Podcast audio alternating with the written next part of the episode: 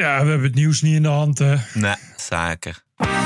This is the TPO podcast. Vragen over WK-rellen, maar de daders zijn bekend. Vaststaat dat het jongeren zijn. Dat het heel veel jongeren zijn, tieners, jonge twintigers... die hier eh, op straat zijn gekomen. Tweede Kamer over de wereld draait door. Die vergeet schokkende feiten voor de linkse kerkgangers. Anders zouden ze wel eens van hun geloof kunnen vallen. En het Forumcongres. Eigenlijk is Forum voor Democratie een innovatief IT-bedrijf. Aflevering 408. Ranting and Reason. Bert Bresson, Roderick Phalo. This is the award-winning TPO podcast. It is. Goedenavond Bert. Yeah, goedenavond. Yeah. Het is eh, maandagavond, 28 november. Nou, de gemarginaliseerde slachtoffers van het geïnstitutionaliseerde racisme in Nederland en België, die hebben zondag uitvoerig van zich laten horen. Eh, Tijdens, tijdens de WK-rellen? ja, tijdens de WK-rellen. En dat klonk. WK-rellen. Ja, een nieuw woord is dat. Klink- De WK-rellen klinken dan zo. In Brussel, in Rotterdam, in Amsterdam, in Den Haag. Is de WK-overwinning van Marokko op België gevierd met brandende auto's en scooters. Er werd eh, met glas en zwaar vuurwerk naar de politie gegooid. Relletjes, schreef de Volkskrant vanmorgen in een heel klein hoekje in de krant. Raddraaiers. het rare is ook nog dat de politie in Brussel van tevoren had gezegd... Nou, Oh, sorry, sorry. Ja, ga door. nou, eh, we hopen maar dat ze eh, gelijk spelen of winnen. Anders krijgen we rellen. ja, dus als Marokko verliest, krijgen we rellen en brandende auto's. Als Marokko gelijk speelt, krijgen we rellen en brandende auto's. Als Marokko wint, krijgen we rellen en brandende auto's. Ja, ja. Je zou dan toch gaan denken dat het niet echt aan ligt aan of ze winnen of verliezen, maar in, laten we zeggen, een bepaalde opvoeding, een bepaald cultureel fenomeen, een bepaalde volksaard, een bepaald gedeelte van wat mag ik wel en wat mag ik niet op de openbare weg. En opvallend ook dat in Marrakesh en Tanger en al die andere plekken wordt er gewoon normaal feest gevierd. Ja, Terwijl in Brussel en Rotterdam en Den Haag en Amsterdam en Antwerpen en al die steden die eigenlijk al heel lang probleemgebieden heet, omdat er ook heel veel Marokkanen wonen, want dan hebben we het over het Marokkanenprobleem, wordt er niet feest gevierd, maar gereld. Ja, eh, je zou kunnen zeggen dat de volksaard daarmee afvalt, omdat ze inderdaad in Marokko zo erg gezellig eh, aan het vieren zijn.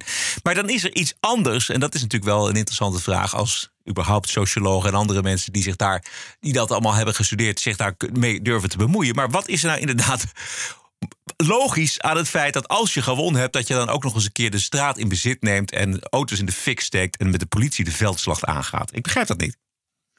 Nee, het zijn kennelijk, je hebt kennelijk Marokkanen en je hebt Marokkanen. Ik denk in elk geval dat de Marokkanen daar een hele andere politie hebben dan hier. Ja, dat zou Dat scheelt ook al een hoop, denk ik. Ja, dat zou goed kunnen schelen. We hebben een aantal reportages, hebben wat fra- fragmenten. In Antwerpen is er een journalist van een Belgische omroep, de VTM, belaagd live in de uitzending. En dat ging zo. Ja, we proberen ook live te gaan met collega Rob van Herk in eh, Borgerhout. Rob, het is daar blijkbaar nogal uit de hand aan het lopen. Ja, wat maak je daar allemaal mee? Heel wat zie ik daar. Ja, zoals je kan zien, Katrien, is de sfeer op dit moment nog eh, heel grimmig. Ehm, er wordt duidelijk wordt geslagen. En heel agressief. We krijgen, hier, eh, we krijgen hier kloppen terwijl we gewoon live in het nieuws aan het gaan zijn. Ik denk dat we beter hier even, hier even stoppen. Hier even stoppen. Ja, we ronden af, want het is daar absoluut niet veilig voor je. Rob, dank je. Ja, het is niet te geloven dit. goh. Ja, eh, kennelijk de Belgen die eh, willen alsnog niet vertellen wat het precies zijn. Daar heb je ook vast een fragment van. Zeker. Eh, want ja, het is toch echt kolderiek aan het worden. Hoe zelfs in dit soort taferelen, waar je dus gewoon niet meer als journalist je werk kan doen. en het toch ontaart in een ware veldslag. Vanuit specifiek één soort jongeren. Dat het toch in elk geval de Belgen hard hun best doen om het allemaal maar niet te benoemen. Ja, dit was uh, de VTM, dat is de commerciële omroep Yes. uh, in Vlaanderen. En het mooiste verslag deed de Vlaamse publieke omroep, de VRT, dat op een, ja, ik zou zeggen, klassieke wijze. Wie zijn dan die ruilschoppers en waarom vinden zij het nodig om vandaag keten te schoppen? Ja, wie dat zijn, dat uh, weten we natuurlijk niet precies. Hè? Nee. Uh, heel velen hebben hun gezicht bedekt met, ja. een, met een sjaal, oh. met een zwarte doek. Um, ze zijn ook nog niet uh, geïdentificeerd natuurlijk. Nee. We hebben het ook aan, aan de politie gevraagd. En de politie zegt van ja, daar, het is te vroeg om informatie te geven. Oui, merci. Je voelt, er is nog heel veel vreugde op straat ook gelukkig. Um, maar ja, wat ik wou zeggen van wie zijn, wie zijn die mensen? Ja, vaststaat dat het jongeren zijn. Dat het heel veel jongeren zijn, tieners, jonge twintigers... die hier uh, op straat zijn gekomen. Oh, wat een heerlijk ja, verslag. Dit is zo ja, geweldig. Huh? Dit, dit is echt, tja... Het is 2022, maar in de Vlamen doen het nog steeds gewoon zo. Het is toch echt bizar om, om uh, als je aangevallen wordt door een groep leeuwen een beschrijven als iets wat uh, lange haren heeft. En een geelkleurige vacht en een staart en vier benen. Uh, en ook nog in de gemiddelde leeftijd. Uh, met scherpe tanden en scherpe klauwen. En het heeft ook nog eens een keer maakt het grommende geluiden. Maar je wilt toch beslist niet zeggen dat het een leeuw is. Nee. Jongens die lopen daar met Marokkaanse vlaggen. De aanleiding ja. is een wedstrijd van Marokko tegen België. Het is allemaal volstrekt helder. Maar er is ook, net zoals in België, of net zoals hier in Nederland, is er ook in België blijkbaar een enorme angst om dat allemaal te benoemen. Wij hebben dat jaren, doen dat al jaren niet meer. Want het is namelijk stigmatiserend. En voordat je het weet, stigmatiseer je hele buurten. Uh, dus dat moeten we allemaal niet hebben. Dus dan noem, noem het beestje maar niet bij de naam. Ik las ook nog een, de website van het Duitse weekblad Stern. De kop was: Na nederlaag tegen Marokko zet Belgische politie waterkanonnen in tegen rellende voetbalfans. voetbalfans? Ja, ja. En dan verder. Zo zuur de nederlaag tegen de underdog Marokko voor de Belgische fans ook gewezen mag zijn, de rellen in Brussel staan in geen enkele verhouding. Dus ze hadden het over Belgische fans. Ja, Belgen. Het zijn allemaal Belgen. Ja. Die uh, Belgische voetbalfans. En dan uh, hoor je ook mensen zeggen, die zeggen van ja, maar uh, anders hooligans die hebben het ook in Rome huis gehouden, weet ik wat. Ja, dat maar is ook zo. Dan zeggen we ook uh, hooligans. Zeggen we ook uh, Nederlandse hooligans. Ja, zeker. Dus, dus, er is geen reden om dan nu niet, niet uh, heel, heel bangig, zoals kennelijk in de Volkskrant, dan maar niet te zeggen dat het Marokkanen zijn. En dan maar weer raddraaiers van te maken en tieners en jongeren die keet schoppen. Ja. Want ja, het zal je auto zijn die in de fik Zo. gaat. Die ging gewoon in vlammen op. Ja. Hier in Ja, Amsterdam, op, de, op het Mercatorplein. Nee, precies. Dat, en dat is iets wat je gewoon niet, wat niet hoort te, hoort te kunnen. Nee. Het is, en je kan wel, kijk, je kan, dat is natuurlijk bij autobranden, ze geldt wel, ach, het is maar een auto. Ja, het is wel uh, waarschijnlijk voor iemand zijn levensonderhoud van belang. Uh, die hem waarschijnlijk ook niet verzekerd heeft, want je verzekert alleen all risk, in elk geval bij goedkopere auto's. Want je gaat er niet vanuit dat je auto in de brand wordt gestoken en je denkt dat, er, uh, dat je hier veilig bent en niet in een woont en dat de politie is die dat voorkomt en zo. En het is natuurlijk heel intimiderend als je daar woont. Als je daar woont en je auto is in de brand gevlogen, ja, dan woon je daar niet daarna nog prettig, denk ik. Nee. Nou ja, die, die, die mensen die daar in de buurt van het Mercatorplein wonen, die weten natuurlijk ook wel, Die, ja, die weten wel meer. Precies. Poel, dat, daar gebeuren uh, wel meer van dit soort zaken. Maar het is uh, wel opvallend inderdaad dat met een gewonnen wedstrijd, uh, Marokkanen die zich hier in Nederland en in België bevinden, dat, dat, dat die dan gewoon dat als aanleiding vinden om, om gewoon te gaan rellen. Dat is natuurlijk, uh, dat geeft, is toch duidelijk een signaal dat er wel heel wat mee mis is. Ook omdat het gewonnen is. Want Ja. je kan het nu ook niet verzachten van ja, maar ze hebben verloren, heel super erg. En je, je, je, je hebt gewonnen, dan behoor je blij te zijn. We hebben natuurlijk uh, toch echt, uh, als het Nederlands elftal wint, wat ook wel eens gebeurde ooit, dan uh, werd toch echt niet de hele stad afgebroken. Nou ja, zakt iemand door een woon, Ja. woonboot de hele keer. Maar ik bedoel, je, dan wordt ook geen auto's in de fik gestoken. Nee, dit Wordt was- ook niet gereld. Nee, precies. Dit was echt puur om, bedoeld om ook te laten zien van wij zijn de baas op de straat en wij eh, hebben scheid aan de politie en aan iedereen. En dat, dat, die mentaliteit heerste er Ja. Eh, en volgens mij spelen er op het WK nog een hele hoop andere landen. Die ook wel eens winnen. Weet je, het valt toch wel op dat het alleen Marokkanen zijn. Dat je nou niet echt. En ook de Brusselse politie zegt bij geen enkele andere wedstrijd. Oh, ik hoop wel dat ze gelijk spelen of winnen. Bij geen één. Dus je hebt nooit de Brusselse politie gehoord. Zegt nou, ik hoop wel eh, dat de Nederlanders winnen. Want oei, oei, oei. Anders hebben we straks rellende Nederlanders op straat. Nee. Ah, nee. Nee, maar wat ook opvallend is, daar had jij het al over, is dat er dus in Marokko niet het, het tot rellen komt. De, me- de mensen die, eh, die, die daar weg zijn, zijn precies de mensen die Marokko ook niet wil hebben. Dus dat scheelt natuurlijk. Die zijn nu hier, daarom gaan ze hier rellen, omdat ze niet meer in Marokko zijn. Ten eerste. En ten tweede denk ik ook niet echt dat je daar makkelijk kunt gaan rellen. Nee, dat denk ik ook niet. Nee, nee. Niet zo makkelijk als in, eh, als in eh, Nederland of Brussel in elk geval. Nee, die, die potentie. Ik bedoel, de, Marokkaanse reljongeren die zijn wel vaker een probleem in Nederland, in Nederlandse steden. Ja, en het gaat natuurlijk ook, bedoel, als ze in eh, Marokko zouden zijn, zouden ze überhaupt niet gaan rellen. Want het gaat er natuurlijk om dat ze hier zijn. En dat ze hier willen rellen. Ja. Maar, de, eh, maar in Marokko zouden ze dat niet doen. Want ja, dat is, dan is het je eigen stad en je eigen land. Ja, en ik heb niet het idee dat ze Nederland of het Mercatorplein nou echt als hun Mercatorplein eh, voelen.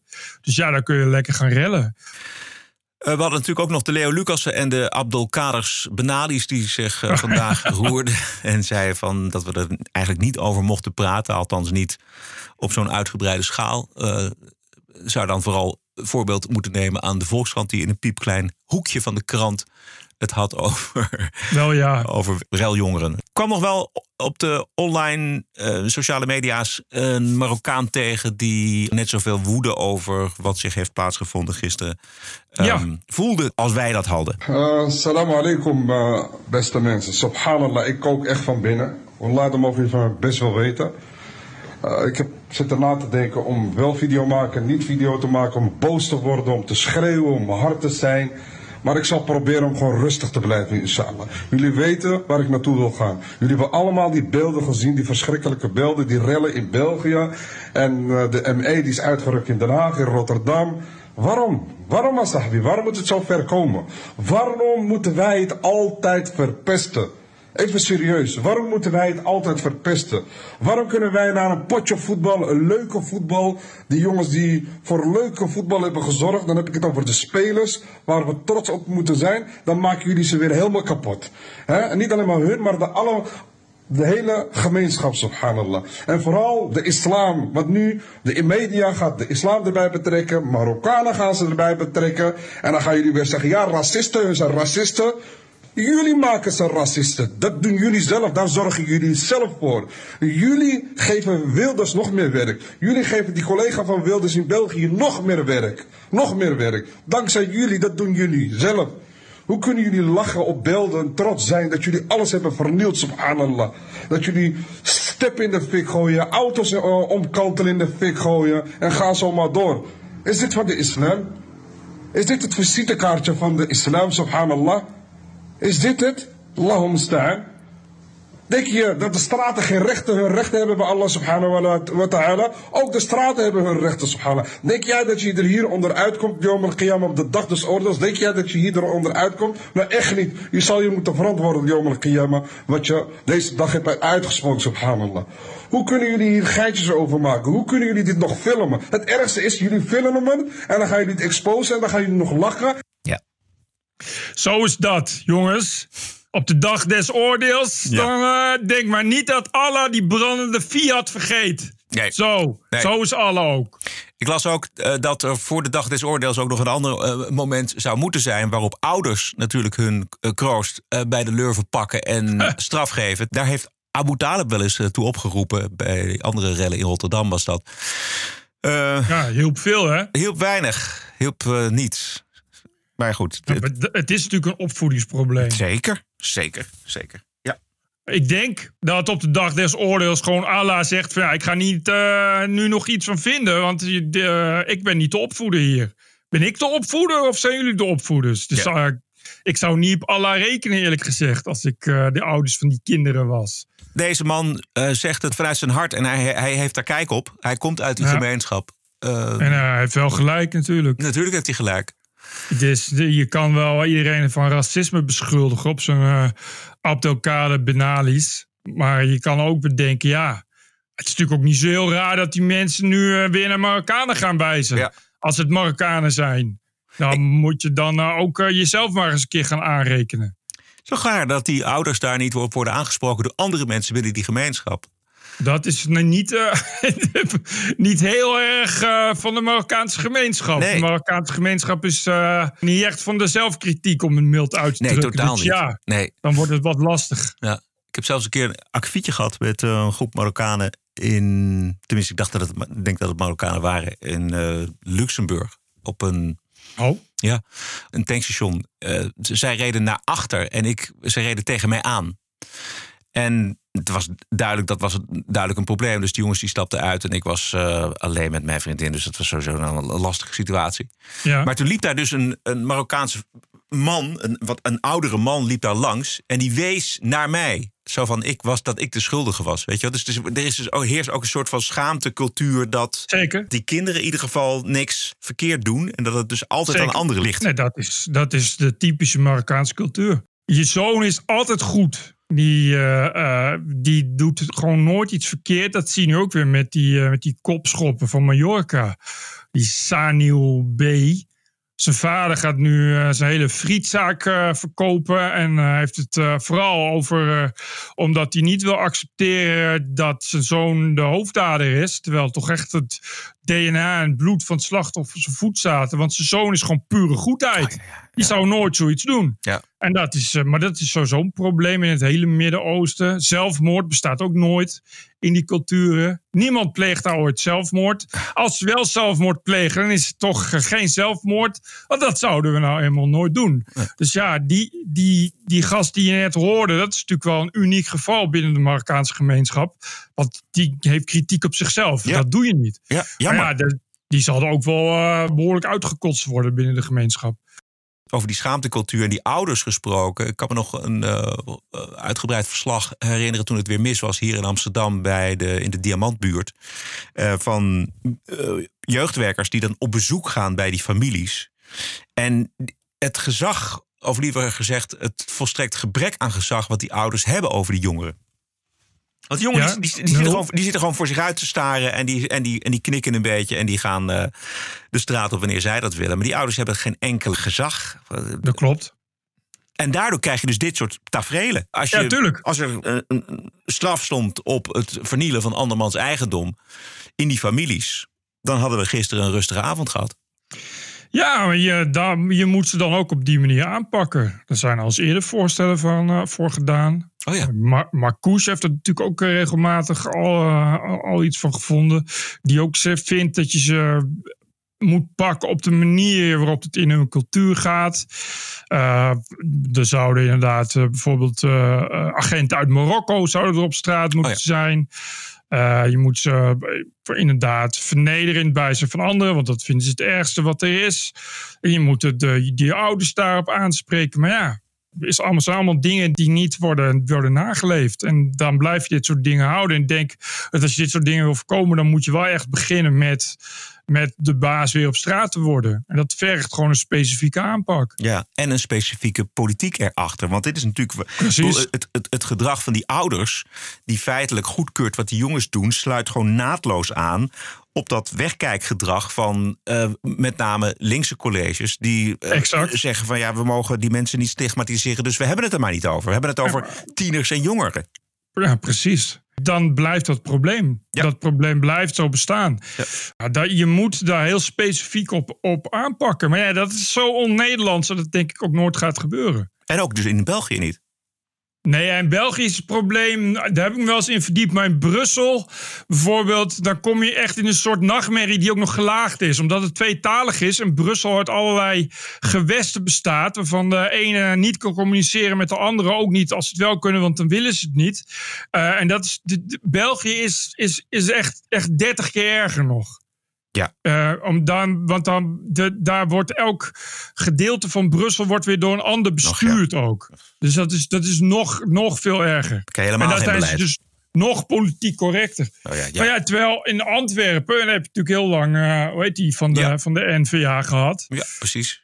Eh, Bart van Weveren. Maar verder is het wel, eh, is het wel opgeschoten. Weet je, dat zie je altijd. Hè? Als dat soort lui in, in België zijn dat dan de NVA. En in Nederland Leefbaar Rotterdam. Als je er een andere, wat meer realistische politiek op toepast, wordt het ook beter vaak. Ja. Opvallend trouwens dat het in Frankrijk niet tot rellen gekomen is, voor zover ik weet. Terwijl daar toch ook een hoop Marokkanen wonen. Ja, terwijl dat ehm, normaal niet echt rellenvrij is.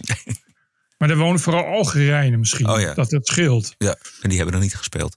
Maar ja, er wonen volgens mij ook heel veel Marokkanen. Dus. Ja. Goed, ik geloof dat er woensdag er in de Amsterdamse gemeenteraad vragen worden gesteld over eh, deze gang van zaken. In Rotterdam is Leefbaar Rotterdam ook bezig met het formuleren van vragen. Want ja, Juist. dit, eh, zolang, dit, dit kan toch niet? Ik bedoel, zolang Marokko in het WK blijft. En als we nog meer wedstrijden winnen. En dan moeten we natuurlijk niet hebben dat we voortdurend rekening moeten houden met, met dit soort vandalen. Nee, maar goed, nu is het voetbal en straks is het weer zomer. Ja. Eh, en dan krijg je weer zo, dan zijn het zomerrellen en dan komen de zwembadrellen. Eh, en dan komen de lenterellen en dan komen de carnavalsrellen. En dan is het weer eh, EK-rellen. En zo kun je nog wel even doorgaan. Eh, maar je moet dat. Ik, maar ik snap ook niet. eh, als, het, als eh, Ajax Feyenoord speelt, weten ze ook dat er rellen komen. En dan bereiden ze zich er ook op voor. En dan is er niemand die daar een probleem mee heeft. als daar politiek voor wordt gemaakt. specifiek voor de doelgroep hooligans. Ik heb nog nooit gehoord, niet van anderen en ook niet van de hooligans zelf, dat ze dat stigmatiserend vonden. Dat er op zondag speciale treinen rijden. Nee. En, en preventief fouilleren. Maar En preventief fouilleren, zou, ja. het, zou het zo zijn dat dit een risicowedstrijd zou zijn geweest? Ik bedoel, kijk, bij hooligans weet je het wel. Maar volgens mij liet de politie en de, en de politiek en iedereen zich toch wel verrassen door deze gang van zaken. Want ze dachten van als ze winnen, dan valt het wel mee. Gaan ze alleen maar toeteren. En dat soort dingen. Maar kennelijk, ik heb het idee dat ze nogal verrast waren over het feit dat er alsnog weer rellen kwamen. Mhm. Want die politie in Brussel had al wel gezegd van ja, we bereiden ons voor. Zeker als ze verliezen. Maar volgens mij was het winnen en redden de, de grote nieuwe binnenkomen. Met stip. De winnaar is... TPO Podcast. Al bijna zes jaar onafgebroken. Twee keer per week een eigenzinnige kijk op het nieuws en de nieuwsmedia. Elke dinsdag gratis en elke vrijdag voor abonnees. Mis niks. Word lid abonnee en luister ook op vrijdag. Met elke vrijdag de legendarische Wokweek. You're an adult, grow up, deal with it, I don't care! De TPO-podcast in de lucht. Keep the show running. Steun ons en word lid voor nog geen 4 euro per maand. Ga naar tpopodcast.nl. Melden! Thank you. Let's do it. Vandaag, maandag, was een debat in de Tweede Kamer met alle mediawoordvoerders over de publieke omroep. Saaier kan niet, want het gaat al 40 jaar over hetzelfde en er verandert helemaal niks. Het is nog eh, eerder vrede in het Midden-Oosten dan dat het systeem van de Nederlandse publieke omroep op de schop gaat. Eh, wordt wel eens gezegd, dat is een uitspraak die mij nog, nou, volgens mij 30, 40 jaar geleden eens een keertje ter oren kwam. En dat is nog steeds Goh. eh, gaande. Ja, en dus wenden wij ons voor een klein beetje lol toch tot de PVV-woordvoerder voor mediazaken, Martin Bosma. Voorzitter, dank u wel. Het schandaal rondom De Wereld Draait Door laat haarfijn zien hoe groot de rot is bij de NPO. Vijftien jaar lang was De Wereld Draait Door de dagelijkse kerkdienst voor linkse gelovigen. Hier hoorde de tot slaafgemaakte van de linkse kerk wat de nieuwste hypes en meningen waren. Meningen waaraan, waaraan zij zich beter konden conformeren. Hier hoorden zij voor het eerst dat zij zich voortaan zorgen moesten maken over het klimaat. Dat ze achter Black Lives Matter moesten aanlopen. Hier vernamen zij dat Zwarte Piet plotseling in ongenade was ge- gevallen. En voortaan gehaat diende te worden. Hier hoorden de gelovigen voor het eerst dat ze niet meer mochten vliegen. Hier werd het woord vliegschaamte gepopulariseerd. Dat ze Trump moesten haten. Hier vernamen ze dat ze geen vlees meer mochten eten. Dat ze voortaan witten moesten zeggen en niet langer blanken. Hier werden de nieuwe heiligen van de linkse kerk geïntroduceerd. Siewert van Linde, Prem Radikation, Sylvana Simons. Allemaal grote denkers. We moesten diep ontzag voor ze hebben. En ze kregen 2000 euro per optreden. Volgens mij, eventjes tussendoor, was Sievert van Linden juist iemand die aan de rechterzijde Klopt. eh, werd verwelkomd. Maar goed, dat is, eh, dat is, dat is Bosma vergeven. De volgelingen van dominee Matthijs keken in 2014 naar de uitzending... waarin een Nederlandse homo vertelde twee dagen eerder zwaar gemolesteerd te zijn in Parijs. De foto was gruwelijk. Maar het grootste gedeelte van het item was gewijd aan de vermoedelijke daders. Dat waren rechtse mensen, katholieke mensen die demonstreerden tegen het homohuwelijk. Waarschijnlijk om dat punt te maken was de gemolesteerde homo zo snel ingevlogen. Een paar weken later kwam de islamitische aap uit de mouw. Het waren toch weer moslims. Uiteraard werd die informatie het kijkerspubliek onthouden. Liever geen schokkende feiten voor de linkse kerkgangers. Anders zouden ze wel eens van hun geloof kunnen vallen. Ja, en zo gaat hij nog wel uh, een minuut of twaalf verder. Um, maar dit was eigenlijk het, uh, het, het, begin. Dit is wel eigenlijk de, de kern. Het is toch leuk om te horen. Maar net zeggen, dat maakt zo'n debat toch wel weer leuk.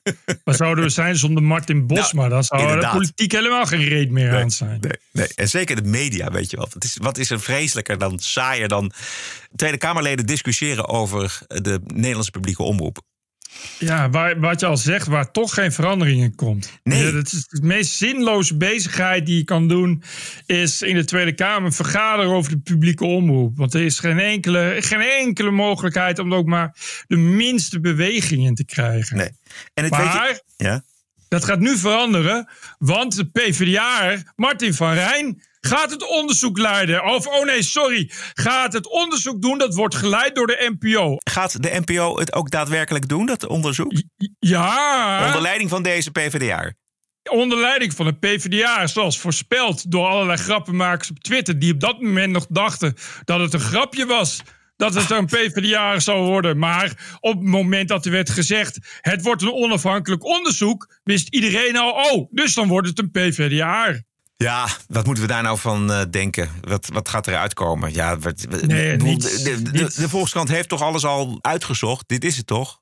Daar gaat uitkomen dat degenen die verantwoordelijk zijn in elk geval uh, een, uh, hun plekje houden. En niet hun salaris verliezen en ook niet hun baantje. En dat degenen die verantwoordelijk zijn zich zo, zoveel mogelijk hebben kunnen ingraven. Dat gaat er als eerste uitkomen. En daarna dat het in de toekomst nooit meer mag gebeuren. En dat er dan uh, nou, meldpunten worden opgericht, steunpunten. En dan wordt alles anders. Not. Ik weet nog, ik heb veel, bij veel publieke omroepen gewerkt. En um, wat mij altijd opviel was dat daar bij het koffiezetapparaat ook altijd over politiek werd gesproken, maar dan politiek, omroeppolitiek. Dus uh, over omroepen en over programma's die wel of niet werden wegbezuinigd. En toen kwam ik bij RTL en bij SBS, en daar ging het daar helemaal niet over. Er werd daar gewoon over programma's gesproken. Klopt. Klopt, ja, dat is natuurlijk ook de pest. Uh, dat, je, dat je vastzit aan, aan een subsidie-infuus. Ja. Dan ben je afhankelijk van de politiek die wordt gevoerd. Terwijl ja, bij RTL uh, hebben, ze, heb je, hebben ze hun eigen geld. Dan kun je maken wat je wil. Want je krijgt juist betaald omdat je maakt wat je wilt. In plaats van dat je betaald krijgt om te, iets te maken wat je niet wil. Nogal een verschil. Exact. Dus die, die medewerkers van de publieke omroep zijn altijd ook begaan met dat hele subsidiebeleid. En met de politiek. Of ze voldoende budget krijgen voor hun programma's. Ja, ja. Dit, maar dat is, natuurlijk, ja, dat is natuurlijk ziek tot en met. Ja. Da daardoor houd je, houd je alles ten eerste middelmatig. Uh, en ten tweede maak je, die, maak je alles heel erg afhankelijk van de politiek. Ja. Uh, en, maar ja, goed, dat zie je nu ook. Nu bleek toch al vorige week vrijdag, afgelopen vrijdag kwam het naar buiten dat die uh, VARA-baas en die publieke Suzanne Kunstelen, geloof ik, en ja. de uh, publieke omroepbaas mevrouw Leeflang toch nog even naar Matthijs van Nieuwkerk naar zijn kleedkamer zijn gegaan om toch nog even te bespreken wat uh, zijn reactie moest zijn, wat de juiste reactie was. Dat is toch tot daar aan toe. De VARA zelf, die had ook geprobeerd contact te zoeken en die kreeg toch te horen dat Matthijs van Nieuwkerk gewoon niet toe was aan contact. Dit was dus in, uh, tijdens de opnames van de top 2000 Agogo. Uh, Matthijs ja. die zit daar in een uh, kleedkamer. En dan komen gewoon echt de hoogste basis van de Nederlands publieke omroep. Die komen dan yep. op audiëntie om te vragen of hij zijn reactie wil bijstellen. Yep. En de opnames yep. van de top 2000 Agogo die zijn dan met een uur uitgesteld. Maar allemaal om dit te regelen. Zo belangrijk ben je dan. Ja, en de ondernemersraad van de VARA kon hem niet bereiken. Maar goed, die zijn ja. natuurlijk ook minder waardig. Het is, uh, je, kan, uh, je, je kan denken dat je op, uh, op, in een kleedkamer tijdens de opname van een uitzending gevrijwaard bent van alle mogelijke politiek. Behalve degenen die aan de top zijn, die kunnen zich een weg naar binnen banen. En als hun machtige arm dat wil, leggen ze alles stil. Dat blijkt maar weer. Ja. Dus die kun je, je zegt tegen je manager vandaag geen afspraken, wat er ook gebeurt. Prima, maar de hoogste baas van de VARA en de NPO, Ja, die kun je niet negeren. Die komen gewoon binnen. Ja, zo werkt dat. Zo werkt dat in de Sovjet-Unie. Zo werkt het bij de NPO. De enige positieve wat je nog wel over kan melden... is dat het gebruikelijk is in dit soort culturen... dat iemand moet worden geslachtofferd. Dus er zal vroeg of laat een belangrijk figuur voor de tram worden geduwd. En de kans is natuurlijk groot dat dat Frans Klein wordt. Ja, precies. Want die is het eh, meest voor de hand liggende slachtoffer. Die daar eigenlijk niet meer eh, onderuit kan. Die zit eigenlijk, staat al eigenlijk al aan de rand van de trambaan. Dus die zullen ze eh, overigens wel op het moment dat hij het niet door heeft. Bij nacht en nevel zal hij ineens een duw in zijn rug voelen. Dat is wat ik kan voorspellen wat er gaat gebeuren. Ja, dat zou goed kunnen. Nou goed, dan heeft hij een mooie carrière gehad, deze Frans Klein, toch? Ja, dan kan hij weer verder in een schimmige restaurantbusiness. Bert Brussen, Roderick Balo. Ranting and Reason. This is the TPO podcast. Zometeen uh, nog iets over het uh, Forum-congres van afgelopen weekend. Maar eerst toch eventjes naar uh, Rusland en Oekraïne. Want er was opnieuw een mysterieuze dood. Het gaat om de minister van Buitenlandse Zaken van Wit-Rusland, Belarus. Een vertrouweling van president Lukashenko. Zijn naam is Vladimir Makai, 64 jaar. Zag er blakend van gezondheid uit, maar uh, hij heeft het niet gehaald het eind van de week. Hij was vroeger voor betere relaties met Oekraïne en ook met het Westen. Maar toen, dat is allemaal veranderd toen Rusland volgens mij de Oekraïne binnenviel. Maar ja, toch verdacht. Ja, de, zo, de zoveelste. De zoveelste. Stond hij bij een raam ook? Of, uh... Nou, de, dus nee, over de oorzaak wordt nog helemaal. Er zijn een paar interessante zaken die spelen. Want zijn overlijden komt vlak na de top van uh, Poetins militaire samenwerking. Uh, de Rusland, Wit-Rusland, Armenië, Kazachstan, Kirgizië, Tajikistan. Op die top in Armenië weigerde Armenië een conceptverdrag te ondertekenen. Armeense premier hield ruime afstand tot Poetin. Misschien heb je dat plaatje wel gezien. Dat er, hij kwam niet in de buurt van Poetin voor de, voor de Ja. foto. Ja. En als je dus heel erg zou kunnen denken vanuit tactische overwegingen, dan is eh, de dood van deze Makai toch ook een signaal aan Lukashenko. Doe wel wat ik zeg. Precies. Maar dat is waarschijnlijk ook het signaal wat er vanuit moest gaan. Ja, Dit, is ook. natuurlijk een, een duidelijke boodschap aan Lukashenko. Vergeet niet, vergeet niet wat je rol is hier.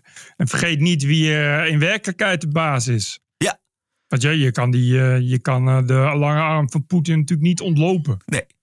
Want dit was een, deze Makai was een, een, echt een vertrouweling van eh, Lukashenko, de, de president van Belarus.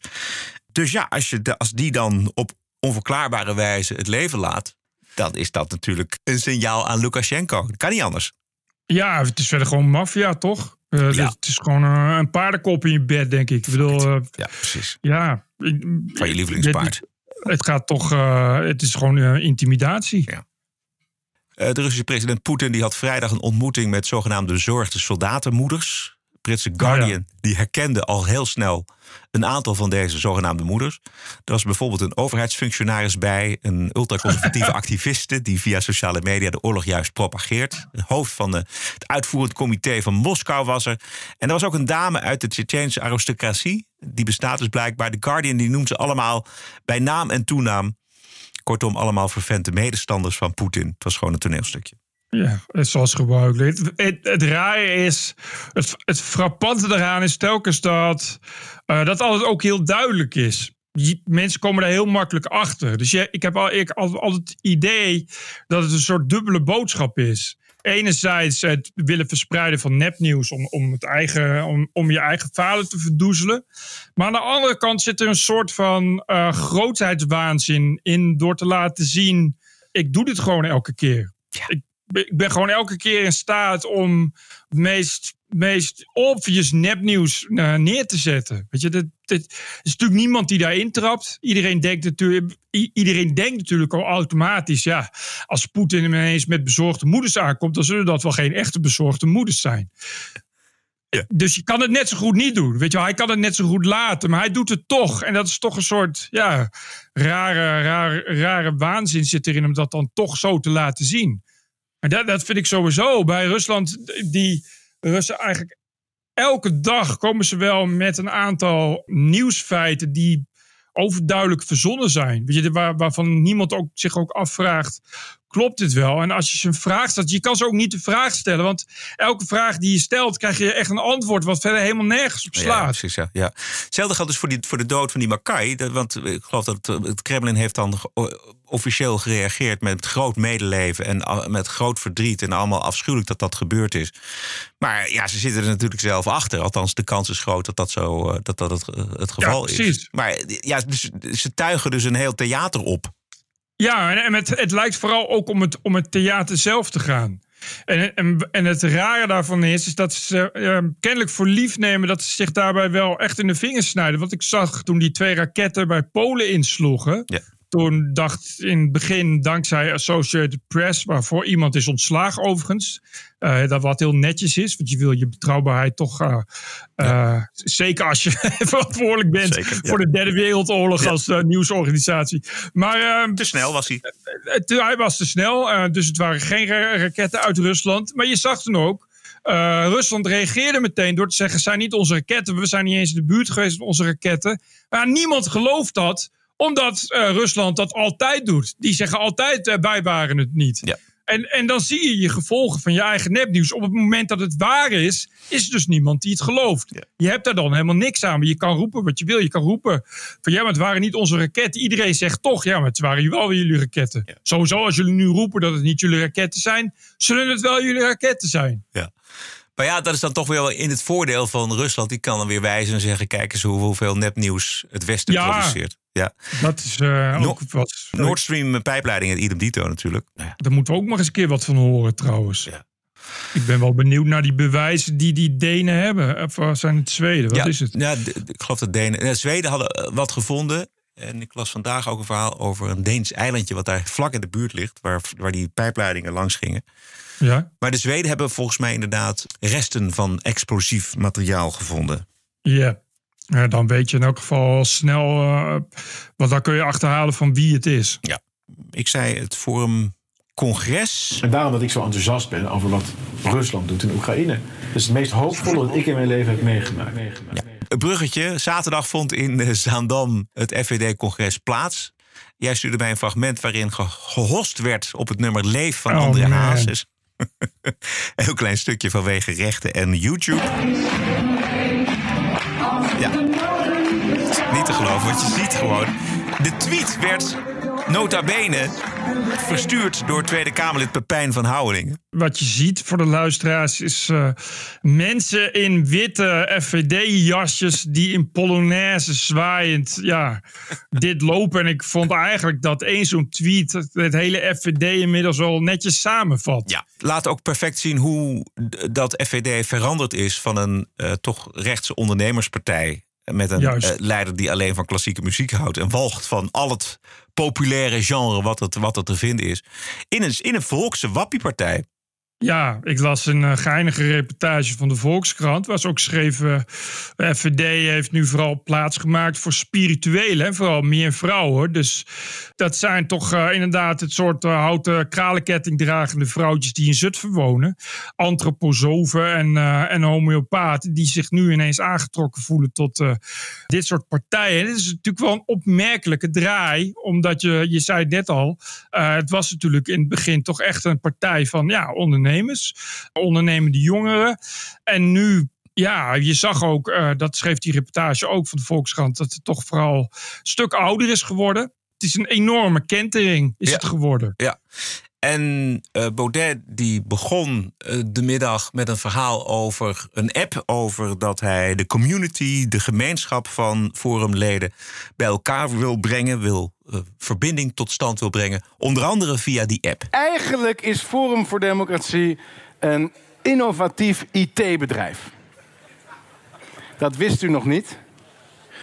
Maar wij zijn al anderhalf jaar bezig om iets te bouwen dat concreet gestalte kan geven aan de community die wij zijn.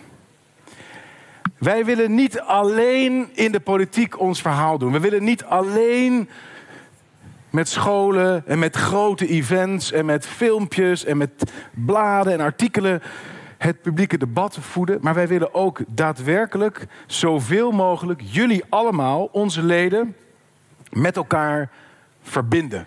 En daarom presenteer ik vandaag de Forum-app. Ja, het verhaal van Baudet gaat dus niet meer over de inhoud, over wat de ideeën zijn van Forum voor Democratie. Daar ging het eigenlijk heel weinig over. Het, ging, het ging vooral over die community, over uh, de leden die er zijn, behouden en dat met elkaar in verbinding brengen.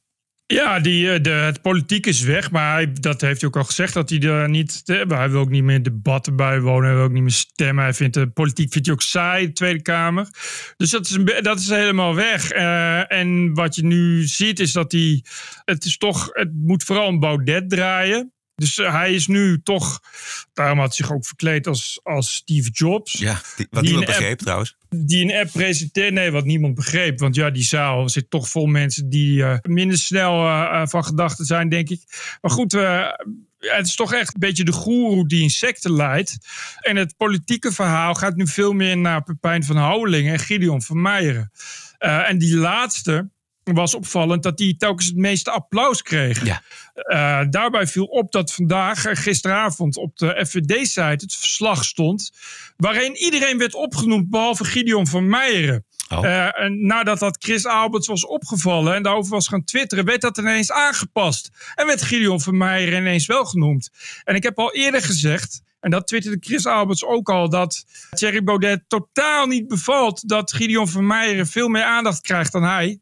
En dat de mensen veel meer applaudisseren dan voor Gideon van Meijeren. En de kans is dus groot dat we straks met nog een nieuwe rechtse partij zitten, namelijk Lijst van Meijeren. Je hebt het inderdaad al een tijdje geleden gezegd. Ook omdat Baudet dus veel meer ja, de, de community-richting opgaat. De nieuwe zuil, de nieuwe pijler FVD. Waarin uh, Baudet centraal staat, maar waarin natuurlijk niets politieks hoeft te gebeuren. Nee. Uh, en dus dan is dat een, een, een duidelijke waterscheiding. Ja. Je zou ook kunnen denken dat hij de mensen die politiek bedrijven nog wel degelijk nodig heeft. Dus dat, is, dat zou kunnen bedenken dat hij dan uh, zo'n Gideon van Meijeren nog wel degelijk gewoon als Kamerlid nodig heeft.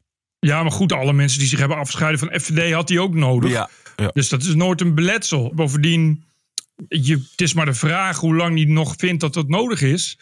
Want ja, hij heeft nu, die, hij heeft nu een app en daar zal hij ook wel weer uh, aan verdienen. En die mensen weet hij toch dat hij, uh, dat hij ze in de zak heeft. Ja. En hij kan natuurlijk straks een uh, politieke partij omzetten in een vereniging. Of, of, uh, of weet ik veel wat, een, een, andere ledenpartij.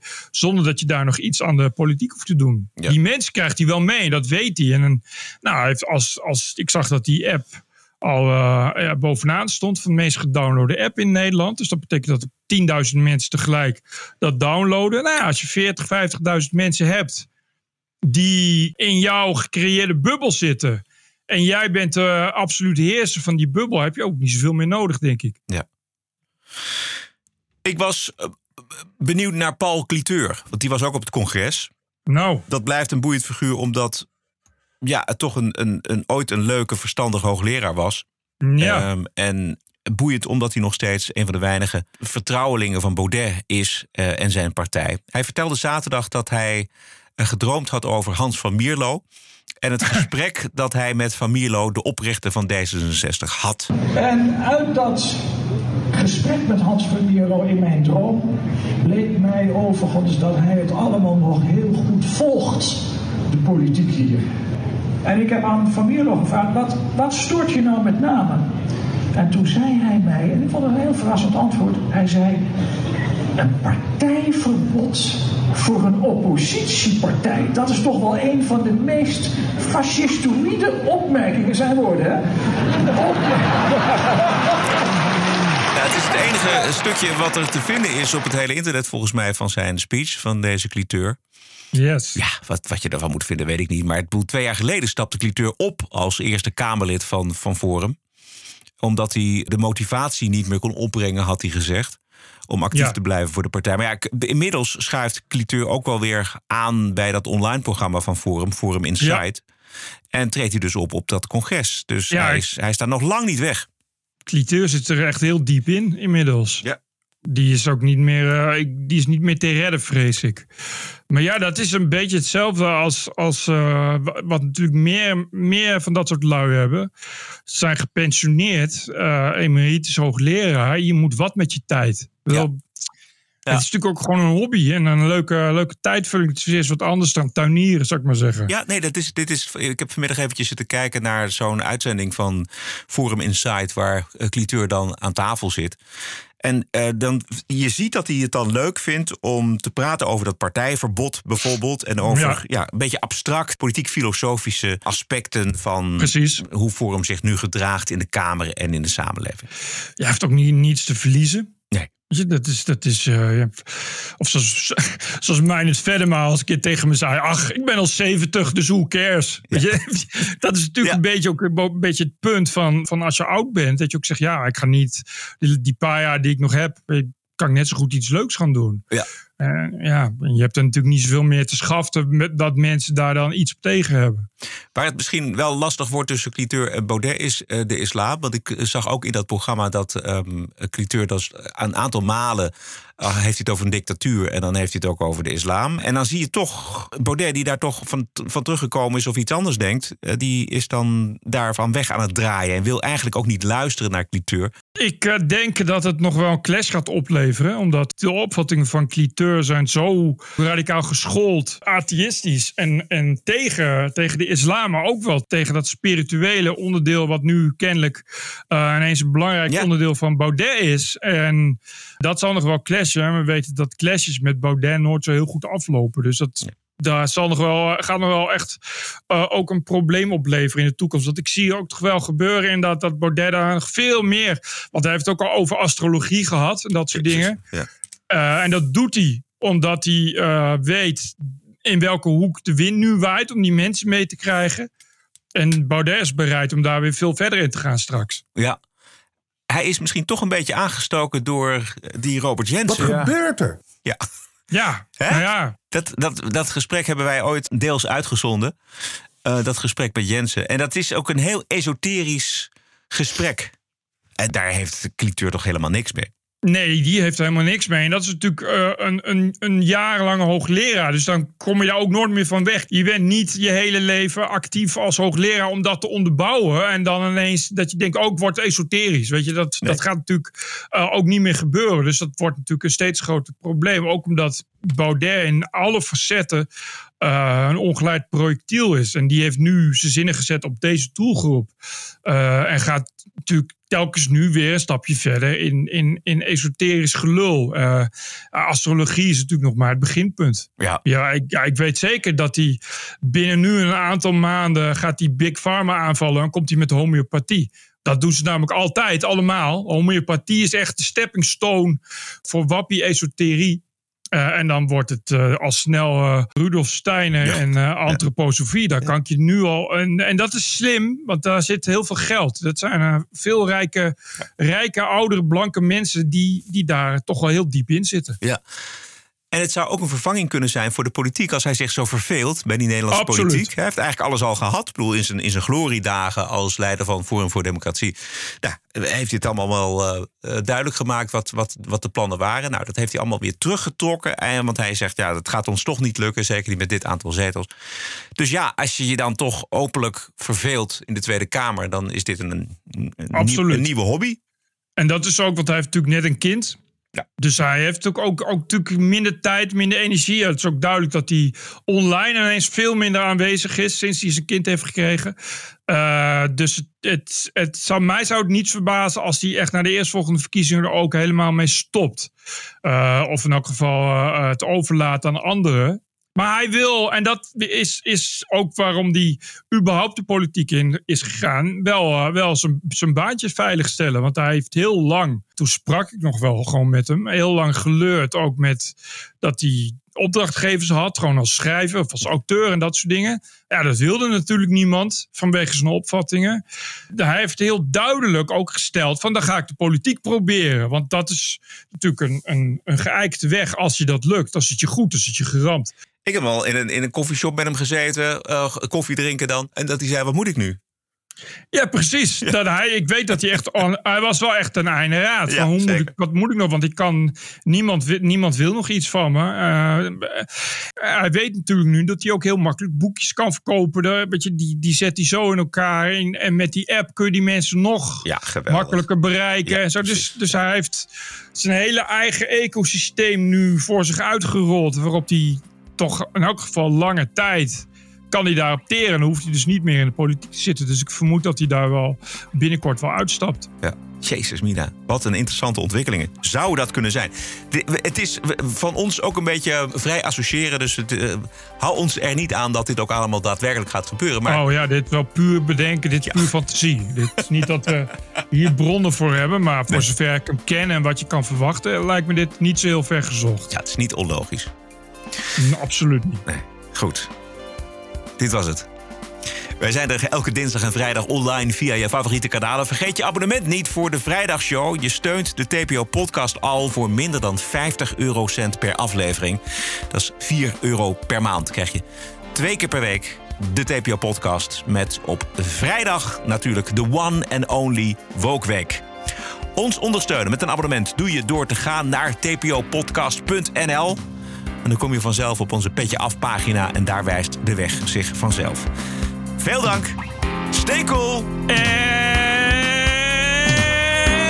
tot vrijdag. TPO Podcast. Bert Bruson, Roderick Balo, Ranting and Reason. Melden. Podcasting is the TPO podcast in the Netherlands. Bert and Roderick. What a show. I'm telling you.